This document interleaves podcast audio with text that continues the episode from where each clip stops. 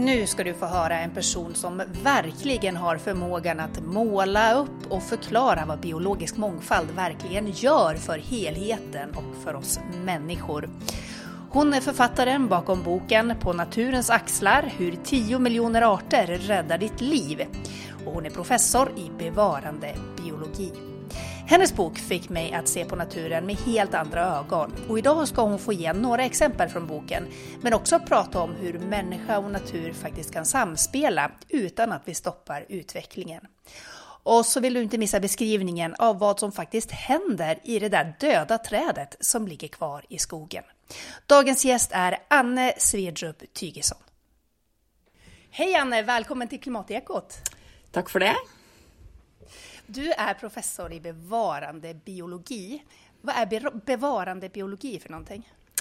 Ja, det er um, biologi som um, har fokus på biologisk mangfold, uh, hva som skjer med det biologiske mangfoldet, hvor vi påvirker det um, og hvor den påvirkningen vi har på det biologiske mangfoldet, påvirker oss mennesker igjen, uh, og hva vi kanskje burde gjøre med det.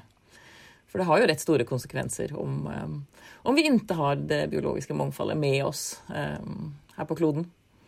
Mm, just det. Men jag förstår att det finns olika skolor också inom bevarande biologi om hur, pass, alltså hur människan och naturen ska samspela. Eller hur? Kan du beskriva ja. lite grann hur diskussionen ja. går? Ja, nei, det er vel et, et slags, en slags skala fra, fra de som På den ene enden av skalaen så har du folk som tykker at um, vi skal tilbake til den store villmarken. Uh, og at det å på en måte sette en ostklokke på, på naturen er, er, måten å gjøre det på. Um, og at man ha, måtte ha ekosystem som er uten, uten mennesker, eller iallfall uten mye innblanding.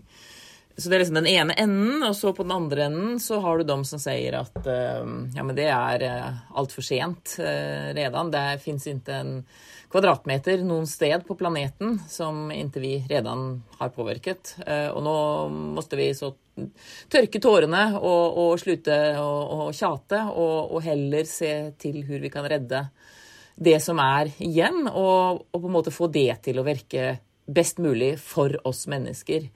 Eh, sånn at det er en veldig sånn pragmatisk og egentlig ganske menneskesentrert variant på den enden. da, Fra det, det veldig sånn ekosystemvinklede eh, i motsatt ende.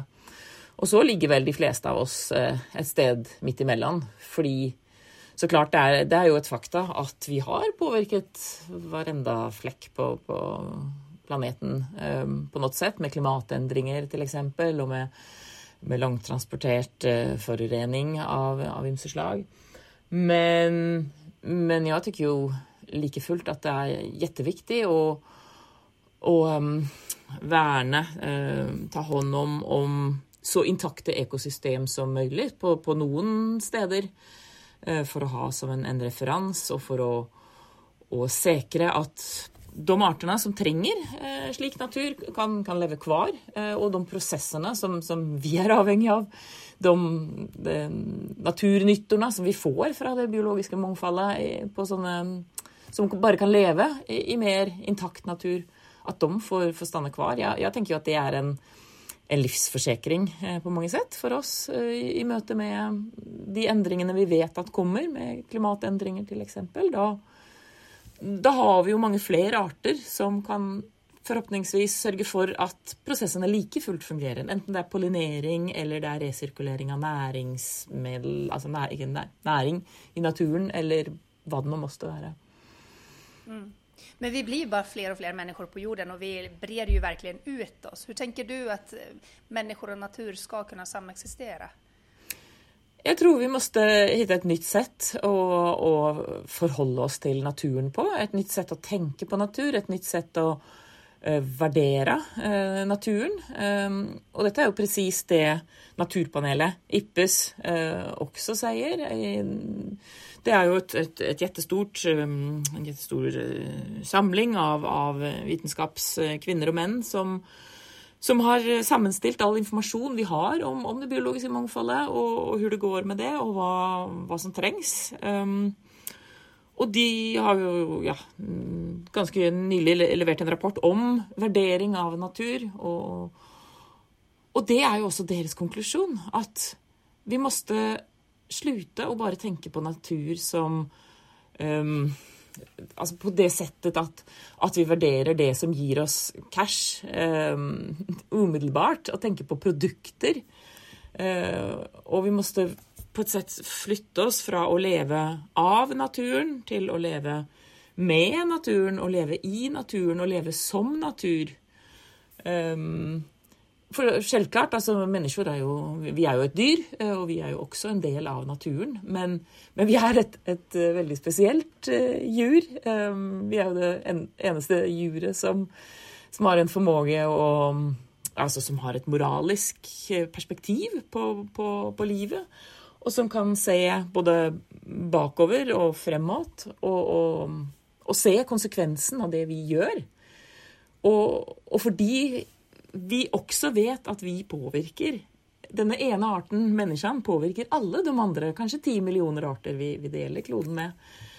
Så innebærer jo dette et jettestort ansvar for å endre det settet vi lever på, sånn at også alle de andre artene skal få plass og til å leve sine små og snodige, konstige liv. Even om vi ikke tykker de er vakre eller nyttige på noe sett. Mm. Tror du at vi mennesker har svårt å forstå hva naturen gjør for oss? Ja, det, det, tror jeg. Eh, fordi vi har fjernet oss eh, mye fra naturen. Um, altså om, om, du skulle leve til du blir 100 år, eh, og du er en gjennomsnittlig europeer, så vil du ha tilbrakt 90 90 av de årene innendørs. I en, en, bygning eller i et kjøretøy. Eh, og det betyr jo at vi, vi har på en måte tappet den tette kontakten, eh, mange av oss, med, med naturen. Eh, vi tenker kanskje på naturen mer som et slags eh, som et stort Ikea-lager, eh, hvor man på en måte bare kan gå inn og, og ta ut det man behøver. Og så tror vi at det er noen som, som, springer inn der på natten og bare fyller på og fyller på og fyller på. Uh, uansett hvor mye vi tar ut. Og så er det jo definitivt inte. Uh, altså, vi har jo en, en, en klote som har en, en, definitiv størrelse. Det er en gitt mengde ressurser her. En gitt mengde uh, ferskvann, uh, drikkevann eksempel. Eller søtvann heter det kanskje på svensk. Um, og, og, alle andre typer av, av, ressurser. Sånn at det å, å legge opp til en, en uendelig vekst eh, Man trenger ikke være økonom for å fatte at det faktisk Det går ikke i hop. Eh, så derfor tenker jeg at, at det er eh, jetteviktig at vi, at vi innser det. At vi innser at vi er 100% beroende av naturen, av det biologiske mangfoldet. Eh, alle de naturnytter og tjenester som, som, som de ti millioner arter eh, sørger for. For at vi skal kunne leve hver her. Eh, og da måtte vi faktisk endre vårt sett å tenke på natur og, og eh, forholde oss til natur. Mm. Och just det tänker jag att vi ska prata mer om nu. För du, du, beskriver, du har skrivit en bok, du har skrivit flera böcker, men du har skrivit en bok eh, som är en av mina favoritböcker som heter På naturens axlar, hur 10 miljoner arter räddar ditt liv. Eh, och i den så beskriver du väldigt målande eh, allt från så olika ekosystem till enskilda insekters roll i pollineringen av enskilda blommor och så vidare. Eh, vad är det liksom i naturen som fascinerar dig så mycket? Å, um, jo, men det er jo den Jeg, jeg tenker jo at vi, er, vi har gjettetur som, som, får leve her på en, en sånn planet som myldrer av liv. Uh, med så utrolig mange fascinerende arter, med fascinerende sett å leve på, og ikke minst alle de der fascinerende uh, koblingene mellom, mellom artene. Um, og alt det som, som, har eksistert lenge innan menneskene kom til. Og som vi da har så gjettetur at vi får på en måte nyte godt av. Um, og jeg tenker nesten uansett hvor du titter i naturen, så, så finner du koblinger og um, symbioser og samspill um, som er mind-blowing uh, når man først begynner å se, når man først får, liksom, får blikket for det. Um, så for meg er det en um, Altså én ting er jo at jeg forsker og forsker på disse tingene og, og tykker at det er jettespennende i seg selv. Uh, men jeg tykker jo også at det er på et sett noe mer. Altså jeg, jeg føler jo en um, ærefrykt, om det er et ord som funker på svenska. At man kjenner på at man får være del av noe som er så mye større eh, enn meg selv. Eh, som jeg tenker at også er en del av den. Det har noe med respekt for naturen å gjøre. Eh, og en slags sånn Hva sier man? Vørnad, kanskje, på svensk. For, for å um, Det å få være uh, en del av alt dette fascinerende. Å få se det. Og, og jeg tykker jo også at jeg er jetteheldig. Jette, at jeg har gjettetur, som får lov å være med og gi stemme til noen av de her stemmeløse og, og rett anonyme eh, artene som, som, vi ikke ser, men som jeg opplever at mange tykker er jettekule om de bare får, får høre om dem. Mm. Du får virkelig noe drømskt i blikket når du prater om det. Det er rett heftig. Det skulle ha vært TV. Eh, men jeg tenker at vi skal ta ett eksempel, eller vi skal ta mange eksempel, men vi begynner med, med et eksempel som virkelig fastnet hos meg og det er getingen og vinet. Ja. du berätta om det? Jo, ja, for det er vel ikke så mange som tenker at, at en geting skulle ha noe med, med godt vin å, å gjøre. Um, men, men, det har de faktisk, fordi det er så at altså For å lage, lage vin så trenger man jo en, eh, en gjestsvamp på svenska. Ja. Um, og de kommer De er i selve druene eh, på sommeren. Men så begynte noen å, å, spekulere. Hvor er de om vinteren? For da er jo druene borte. Da er det jo ikke noen druer på, på disse vinrankene. Og så viser det seg altså at de her forskjellige gjestsvampene de overvintrer i, i magen eh, på gjetingar. Eh, og i deres, eh, deres eh, i, i, magen på de dronningene, gjetingdronningene, som, som overvintrer. Eh, og så, når, når, våren kommer, så overføres de fra dronningen til alle hennes mange døtre. Fordi altså, alle arbeiderne, gjetingarbeiderne er jo damer. Så alle hennes døtre får da med seg denne gjestsvampen, som de bringer med seg ut når de drar ut til en druve for å, å kjekke litt på en, en, en drue. Eh, og sånn bringes disse gjestsvampene tilbake til druene. Og ikke bare det, men det er også sånn at inne i magen til, til gjetingene så, så, er det en liten sånn eh, nattklubb, nærmest. Et lite, en liten, lite sjekke, sjekkested. En liten en liten disko hvor de her små gjestvamperne møtes og, og har det kul. Og, og, parer seg på det sett som gjestsvamper gjør slikt. Eh, de deler seg, og de, de blander, mikser sitt, eh, sitt, arvemateriale. Og på det settet så oppstår det nye varianter av, av disse gjestsvamperne, som faktisk bidrar til å gi smaken på din favorittvin. Sånn at det er ikke bare jordmåne eh, og druvkvaliteten, eh, eller type av drue, som, som, har noe å se, og selve prosessen, men faktisk også disse her gjestsvamperne, som da har en sånn tett kopling til, til gjetingar. Eh, så det tenker jeg jo altså Neste gang man, man tar eh, en liten slurk av sin favorittvin, så kan man godt utbringe en liten skål for, for gjetingerne i, i, samme øyeblikk. For det, det har de jo faktisk fortjent. Mm. Ja, det är rätt häftigt. Men, och, och, när det kommer till insekter, då finns det specialister och så finns det generalister, om jag har förstått det rätt. Eh, vad gör de olika? Vad skiljer de åt? Ja, nei, altså det, det, ligger jo litt i ordet. Altså Spesialister er arter, og det gjelder jo ikke bare insekter, det gjelder all slags biologisk mangfold. Um, spesialistene er de artene som er ganske sære på hvor de eh, vil leve, hvor de vil leve, hvert, hva de vil spise, ete. Um, så det kan eksempel være Det kan til være en, en vedlevende skalbagge som bare kan leve i de der jettestore lågorna uh, som ligger kvar i en naturskog. Um, Så på, på, et hygge eller i en moderne liksom, industriskog, produksjonsskog, så, så finner de en, en slik skalbagge ikke noe sted uh, hvor den kan leve, fordi den har den, den måtte ha en, en granlåge som er jettestor, og som har en spesiell kvalitet, som kanskje har vokst langsomt. Uh, og det er bare der man finner den, den arten, og den, der, der, den kan gjøre sin, sin jobb. Um, mens en generalist um, og, og, og, også et poeng er jo at spesialisten er jettegod på å gjøre Den har kanskje en liksom smalt uh, spor, men den er jettegod på å gjøre presis det. Mens generalistene, eh, de er sånn passe gode eh, til å gjøre mange ting. De er ikke jettegode på, på noe, men, men, de funker sånn rimelig bra på flere ting. Um, men altså et, et, poeng er jo til eksempel om man tenker at med pollinering um, Om du har en generalist, så kan den kanskje være god til å pollinere om det er sånn passe varmt, og det ikke er noe nederbør.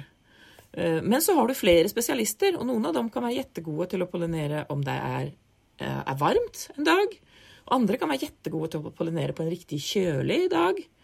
Mens en tredje art kan være god til å pollinere even om det er litt nedbør. Og så om du forlorer de der spesialistene fordi du ikke har de, de levestedene og de betingelsene som de trenger, så vil den nytten um, som på en måte det biologiske mangfoldet som er igjen, det det, det kan levere, vil, vil være forsemrad. Det vil være eh, mangler i, i, i de naturtjenestene som, som vi ja, kan, kan, nyte godt av.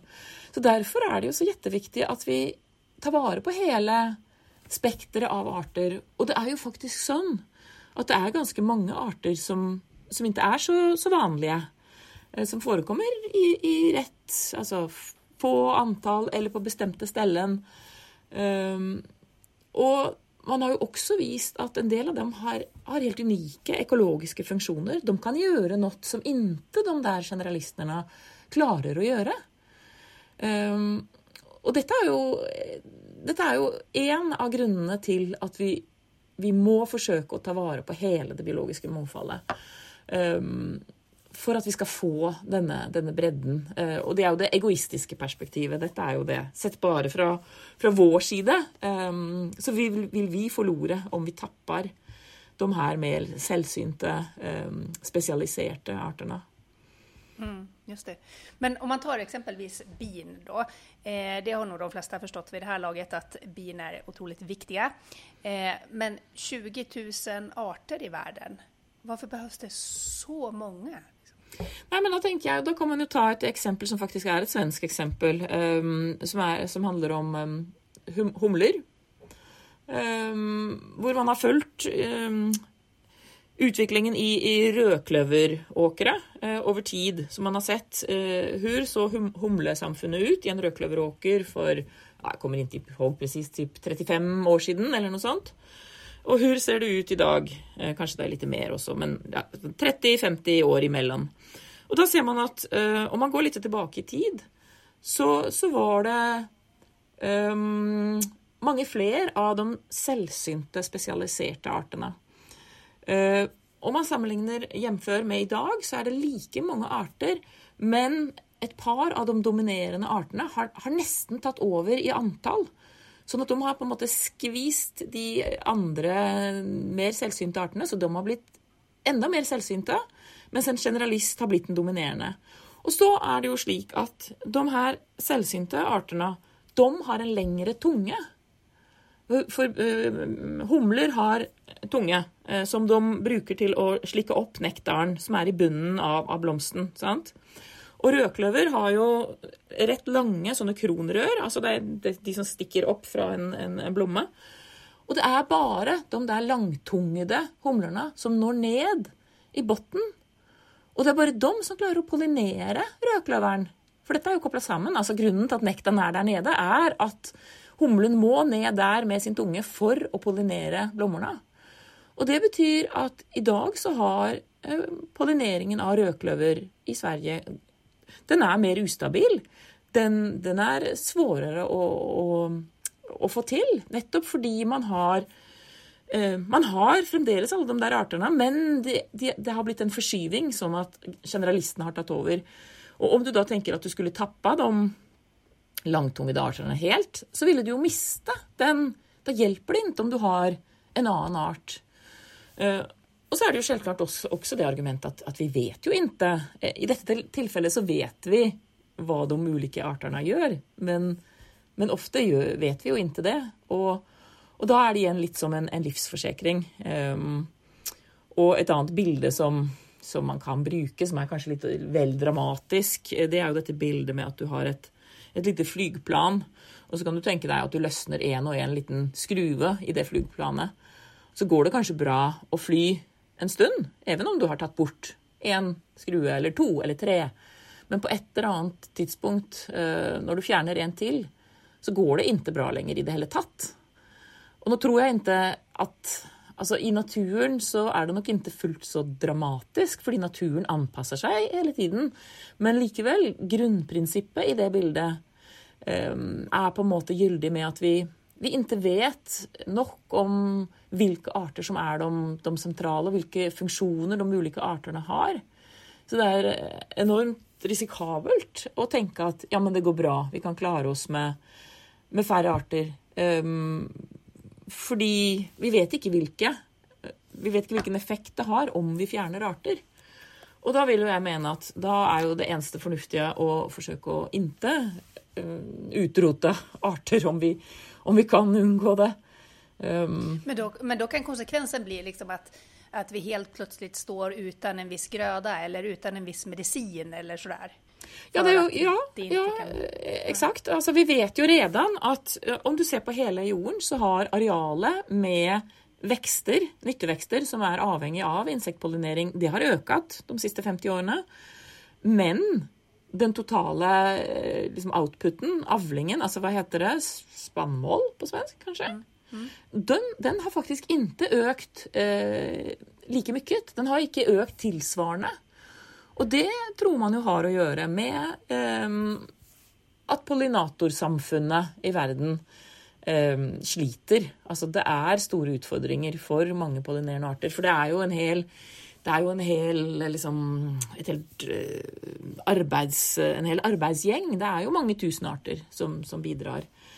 Um, så det, det, ser vi jo redan. Og, og, så er det jo det at en, en intakt og artsrik natur den har alle muligheter kvar. Den har alt potensialet kvar. Så om, om de som kommer etter oss, den neste, neste generasjonen, eh, hittar noe nytt sett å, å hente naturnytter eh, eller tjenester fra naturen, så kan de jo bare gjøre det om den arten eh, fins kvar. F.eks. En, en medisin. Altså, når vi vet at, at 70 av all cancermedisin har utgangspunkt i en art Ehm, så tenker jeg det, det, det er jo rett viktig eh, også fra det perspektivet. Så, og fremdeles taler vi bare om vårt egoistiske menneskeperspektiv, så i tillegg kommer jo det med naturens og artenes egenverde, som også er et, et gyldig argument, eh, vil jeg mene. Absolutt. Mm. For et par avsnitt siden da vi, pratet vi om eh, ekologisk odling. Eh, og eh, på grund av ekonomin mycket, liksom att folk köper mindre ekologiskt vilket har lett till att flera lantbrukare i Sverige ställer om från ekologiskt mm. till konventionell odling. Eh, och ett av argumenten till att det här inte skulle vara ett så stort problem är att man har så här, väx, alltså man ser till att ha mycket växter i dikena och så runt om liksom själva åken. Eh, räcker det skulle du säga? Är det liksom Altså, det er jo svårt å si på generelt grunnlag, men, men jeg, jeg, tenker jo faktisk at en av de tingene som, som overrasket meg mest i på en måte researchen til den På naturens aksler-boken, um, det var jo nettopp hvor mye, hvor mye studier jeg fant, vitenskapelige studier, som underbygde at um, det å Altså om ikke Jeg tenker det Altså igjen så er det jo en, en, en skala. Så Altså om ikke liksom 100% økologisk, så iallfall det å, å odle så naturnært, altså småskalig og variert, og med et betydelig innslag av natur i, i odlingslandskapet, hvor mange studier som faktisk underbygde at det lønte seg. Også for hvor mye du kunne produsere. Ehm, det var en av de tingene jeg satt igjen med som jeg tenkte at, at jeg virkelig lærte ehm, noe jeg ikke var klar over. At det var så mye ehm, altså Bevis er jo et svårt ord å bruke i, i vitenskap, men så mye underbygging da, av, av nytten av å, å, ha mer varierte og mer naturnære odlingslandskap. For da, da spiller man jo på ja, pollinatorene og på, naturlige, på naturens naturlige eh, regulering av, av skade, skadegjørere også. Altså, da har du edderkopper som springer ut og, og eter opp eh, noen av de her artene som, som, ellers skulle være brysomme sett fra vårt eh, perspektiv. Um, og du har en variasjon, eh, en heterogenitet i landskapet, som, som også på en måte bufrer for de der store oppslagene av skadegjørere. Um, så, så, jeg tenker jo at det, det er, er rett synd. Og, og, og om, det er, om, det er, veien det går, for vi behøver jo egentlig um, at det går den andre veien. Uh, igjen, det handler jo om å leve mer med naturen. Eh, ikke sant? Det, er jo det samme som vi sa, at å gå fra å leve av natur og fra natur til å leve med natur og i natur og som natur. Um, så Ja, nei, så det, så det, er jo Det er jo jettesynd at, at, det er så. Jeg tenker jo at, at myndighetene har et jettestort ansvar for å skru om på på alle mulige støtteordninger. Um, sånn at man forsøker å, å stimulere de, de, grønne og gode valgene vi som forbrukere uh, kan ta og måtte ta. Og, og, tilsvarende gjøre det dyrt å ta de der grå og miljøfiendtlige valgene som, som, vi vet at vi måtte forsøke å, å unngå å ta. Og og det er klart det er forståelig at folk har at det er svårt når økonomien blir semre. Men jeg tenker dette her er jo en, en, kombinasjon av hva vi kan gjøre som enkeltpersoner som, um, i, i, vårt, i, våre små liv, um, som jo definitivt har en viss effekt i sum. Men også at mye måtte skje på et, et, et høyere plan, på, på kommunenivå, på regionalnivå og på nasjonalt nivå. Det, det, og der må vi få inn altså naturkrisen og klimakrisen og rettferdighetskrisen. De er tre kriser som går hånd i hånd, og som er tre sider av samme sak. Og, og vi måtte løse dem eh, til sammen og samtidig og sammen. Eh, vi kan ikke løse en av dem på bekostning av, av de andre. Mm. Og det må inn i politikken også. Og det er jetteviktig. Det må inn i arealpolitikken, ikke minst. For det er jo, og derfor er jo kommunene jetteviktige, for det er jo i kommunen at de fleste beslutninger som har å gjøre med areal, eh, faktisk tas. Mm. Men eh, apropos det, da. Eh, du, mye av din forskning grunner seg i skog, hva jeg forstår. Eh, och det svenska skogsbruket är ju en otroligt het fråga i Sverige just nu och i EU. Eh, vad säger du? Alltså, och det är liksom den här debatten att skogen ska ju räcka till allt. Den ska stå kvar och vi ska bruka den och vi ska tjäna pengar på den och vi ska göra biogas och vi ska bygga hus av den och den ska liksom gynna biologiska mångfalden och så vidare. Eh, vad är ett hållbart skogsbruk enligt dig? och det är en jättestor fråga. Men, men, eh, jeg tykker jo at vi er på feil, eh, på feil eh, vei. At det går åt, åt feil hold.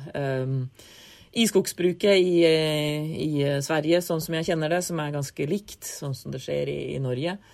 Jeg tenker at vi er ved et, et, et slags vendepunkt, et, et viktig punkt i tiden hvor vi har fremdeles en et lite areal med skog som ikke ennå har vært kalhogd, kalaverkad, eh, som ennå har kvar mye av de kvalitetene fra den skogen som, altså skogen som et ekosystem. Fordi en skog er et ekosystem med 25 000-35 000 arter i myldrende samspill. Det er ikke en samling med tred. Det er ikke en, en fiberfabrikk. Eh, altså, en fiberfabrikk er noe annet. Så om det ser grønt ut, så er det ikke en skog eh, nødvendigvis av, av, den grunn. Og det tenker jeg at er underkommunisert. Og det eh, tenker jeg er um, så at skogsbruket har har hatt mye, en mye stor innflytelse på, på måte, fortellingen om skog i samfunnet. Eh, for stor. Fordi så klart, når, når det er en, en, næring, en business, så ønsker de å formidle et, et bilde av hvordan det ser ut i skogen, og hvordan det går i skogen. Hvordan skogens helse er, så å si, som, som, som et ekosystem eh, som matcher at de, den businessen de driver. Og, og, det kan man jo for så vidt forstå at de gjør, fordi de er en business. Men, men utfordringen er jo at de ikke eh, møter tilrekkelig med at, de, at det ikke balanseres ut i den fortellingen i samfunnet. At det ikke er andre røster som får slippe til, og som har kapasitet og, og på en måte penger til å kjøre PR-kampanjer eh, på samme settet. Sånn at man får en, en skjev fortelling om skog um, i samhället. Um, og folk tror at, at, alt er fint og flott der ute um, i det grønne. Når, når, realitetene er at uh, Altså, i Norge, for å, for å, ta de norske tallene, så er jo 48% av alle våre hotede arter i Norge er, lever i skogen. Og hva er det som hoter dem? Jo, 85% av dem igjen er hotet av mangelen på gammel skog med gamle tred og variert, rikt utvalg av døde tred, av død ved. Eh, om ikke tallene er presis identiske i Sverige, så er jo bilden eksakt den samme. Vi, vi, trenger å ta vare på den skogen som ikke har blitt konvertert fra et fungerende ekosystem som en skog er, eh, til et rent produksjonsareal for, for trevirke.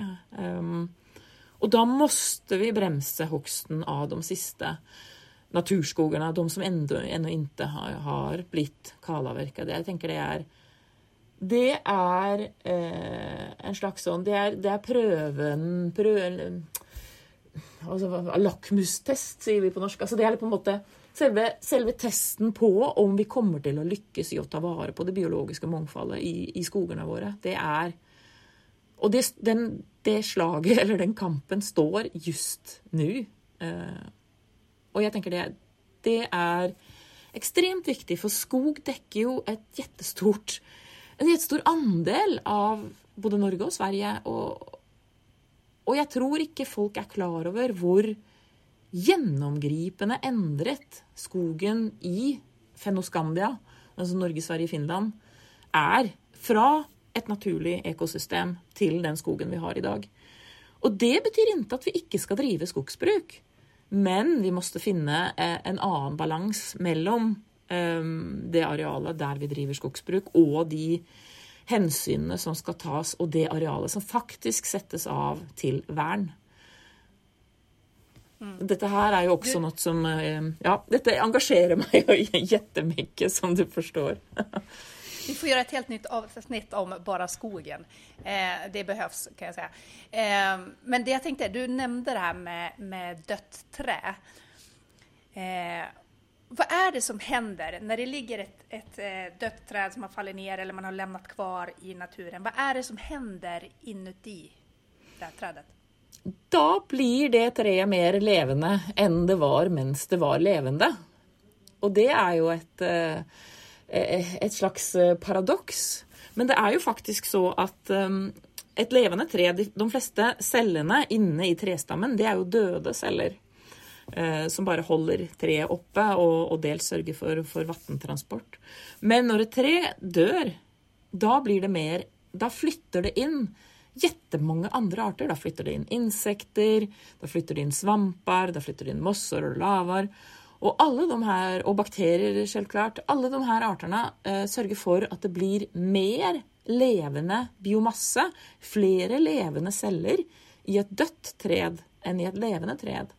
Så ingenting i en skog er på en måte så levende som et dødt tred. Og, og dette her handler jo mye om hur man, hvor man prater, hvor man snakker om, om de, her greiene. Snakker man om døde av tred som ressurser som på en måte vi sløser bort? Um, som vi levner hver i skogen når vi kunne ha brukt dem. At det er liksom vi som på en måte svikter i vår forvalterrolle, som om, som om det på en måte er sånn at vi måtte gjøre noe i skogen for at den skal klare seg. Det, det er, slik er det jo selv, selvklart ikke. Eh, men om man isteden taler om den døde veden som det den faktisk er, et jetteviktig eh, levested, et habitat, for en, oppunder en tredjedel, altså en tredel, av alle arter som lever i skogen, så får det jo en helt annen betydning. Da fatter man at dette her er, er viktig, og, man, og, det er noe, med at det også hjelper oss å, å skru om hvor vi ser på død ved. At det ikke ses som, som rot, eh, som noe vi måtte stede og ta vekk, eh, men at dette her er eh, levested. Det er jetteviktig for artene. Det er et yrende liv. Og, og død ved Altså Én ting er jo at alle de her artene har jo en jobb å gjøre i den døde veden. De resirkulerer den døde trestammen tilbake til jord. Og sørger for å, at nitrogen Ja, nitrogen heter det det samme på svensk? Eh, ja, det gjør det vel, kanskje? Altså, De der viktige plantenæringsstoffene da, kommer tilbake Sånn at du får en god jord som nytt liv kan, eh, kan spire i.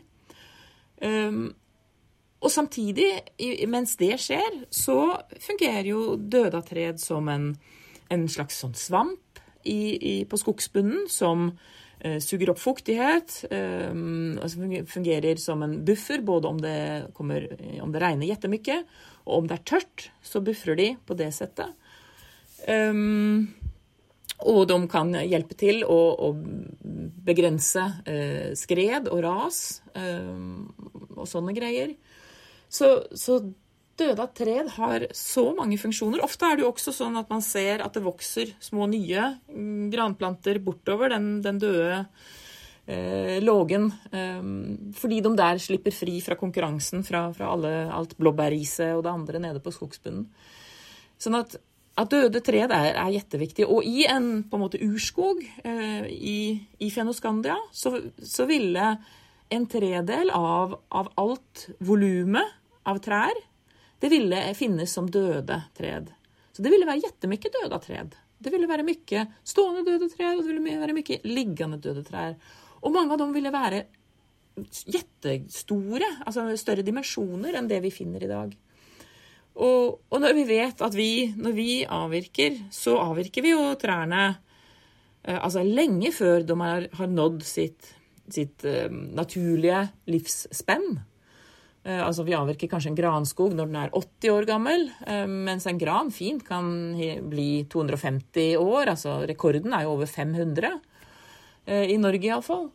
Um, og enda, enda, mer for en furu. Den avvirker vi kanskje når den er 100 år, men et furutre kan jo fint bli altså 500-600-700 år.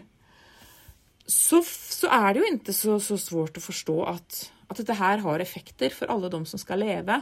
Både i de levende trærne, men også når de trærne dør. Fordi det blir en annen eh, type død ved. Og det er ikke bare volumet av død ved som er viktig, det er også det er litt som med vin, for å komme tilbake der vi startet. Som, akkurat som en eh, Om du ikke er glad i vin, så smaker du ikke forskjell på én rød vin og en annen rød vin. Men om du er en vinkjennere, så er det jettestor skilnad mellom ulike slag. Og sånn er det for de artene som lever i døde tre. De er, de er kjennere. De er spesialister på dette her. Og for dem er det jettestor skilnad mellom en død gran og en død bjørk, til eksempel, eller en grov asp, eller en liten, tynn asp. Um, så alle de her greiene har, har jettestor betydning. Mm. Og jeg tenker at Men, Ja. Mm. Nei, fortsett. Jo, nei, jeg sier at uh, dette her er jo Jeg har jo akkurat Jeg holder på å skrive en bok om skog. Så jeg tenker at dette her er på en måte det neste neste tema som, som jeg håper at skal løftes opp mer, og hvor, hvor folk flest også skal få mer forståelse for hva en skog faktisk er, og hvor utrolig viktig og fascinerende en skog, ekosystemet skog, er. Mm. Ja. Eh, vi skulle kunna prata hur länge som helst, men avsnittet håller på att ta slut. Eh, jag tänker att under pandemin, då såg vi ju så här flera, flera ställen där naturen tog tillbaka platser på grund av att människan försvann på grund av nedstängningar. Eh, och det gick ju rätt fort också. Eh, och samtidigt så vittnas det om artdöd och så vidare. Men vad jag förstår så tillhör du ändå liksom den positiva skaran som tänker att det finns möjlighet att vända det här. Ja, det måste man jo tro. Um, altså, ellers så skulle man jo bare slutte, slutte å jobbe og slutte altså. så, så, og, og, jeg tenker definitivt at, at det fins uh, fremdeles muligheter for å, å snu. Uh, men det er bråttom. Um, og det gjelder jo både klimat og, og klimatkrisen og, og, naturkrisen, eller biomangfoldskrisen. Um, og jeg tror jo at en av de tingene som vi trenger, det er jo å få mange flere hva skal man si, vanlige folk med på å forstå øh, hvorfor dette er viktig, og hvorfor Og at det ikke handler om at vi skal på en måte gå tilbake eh, i, i, tid. Vi skal ikke tilbake til, liksom, til, til hulene, til grottene. Vi skal ikke tilbake Vi skal ikke leve triste liv. Eh, vi skal framåt, men vi skal framåt til et, et nytt og annet samfunn enn det vi har i dag. Et, et grønt samfunn der vi der vi får til å leve i en sirkulær økonomi. Um, der vi finner dette settet å jobbe og, og virke um, til sammen med naturen. Og det, det jo Det jobbes jo med dette her i stort. Altså Naturpanelet, FN det, det, er jo vi, vi, vet hva det er vi måtte endre. så jeg tenker det det handler om, er jo at politikerne må se å, å gjøre det. Um, og for at politikerne skal, skal virkelig fatte at de, de måtte hive seg rundt, så tror jeg at vi kan legge press. Uh, alle, vi, alle vi vanlige folk som ikke er politikere, og også alle som ikke er akademikere. Alle folk som bare bryr seg. Altså folk som tykker om å gå i, skogen, som tykker om at det er insekter i blomstene deres i hagen, som, som tykker om at, at også deres barn og barnebarn skal få leve gode liv eh, på denne planeten, i Sverige eller annensteds. Um, og da, da måtte vi faktisk engasjere oss. Da måtte vi snakke om de her greiene. Uh, da måtte vi snakke med hverandre. Vi måste skrive i tidningene eller altså engasjere oss på, på ulike sett. Um, og jeg tror at det har jettestor betydning. Jeg tror at gjennom Jeg tror at mange kjenner på en en kjærlighet til, til, naturen og til artsmangfoldet rundt oss. Um, som vi kanskje ikke alltid har et godt språk for. For det, det låter litt så der ja, klissete eller futtig å prate om de her greiene. Det, det, er litt sånn stort, og de her ordene vokser litt i munnen på oss. Men, men ändå så tror jeg at, at mange vil, vil, kjenne det eh, at, at det her betyr noe for meg. Um, og da tror jeg at det er nå man, man måtte engasjere seg. Det er nå man må begynne å prate mye om dette her med sine kolleger, med sine barn, med sine naboer. Med alle. Eh, sånn at vi kan bygge opp en jettestor våg av engasjement. Eh, og får vi til det, eh, så tror jeg at ja, vi, vi kan få til å, å, endre, og vi kan få til en naturpositiv og, og sirkulær framtid. Der, der det er plass til både oss og det biologiske mangfoldet. Og jeg tenker vi er Igjen, vi har gjettetur som bor på denne ene lille planeten som vi vet om i hele universet, hvor det fins levende liv. Og jeg tenker at om, om, om, man setter seg ned og reflekterer lite over det, så så tenker jeg at man um, finner uh, engasjementet uh, i det. Uh, og i det man selv kjenner i sitt indre. Uh, at det betyr noe for meg at naturen fins kvar. Eh, og at artene får også lov å, å leve videre sammen med oss mennesker på, på denne planeten. Det får bli slutorden. Ja.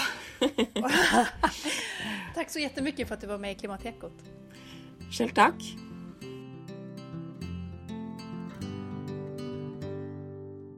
Jag heter Elin Leijonberg och podden görs i samarbete med Energi och klimatrådgivningen vid Umeå kommun.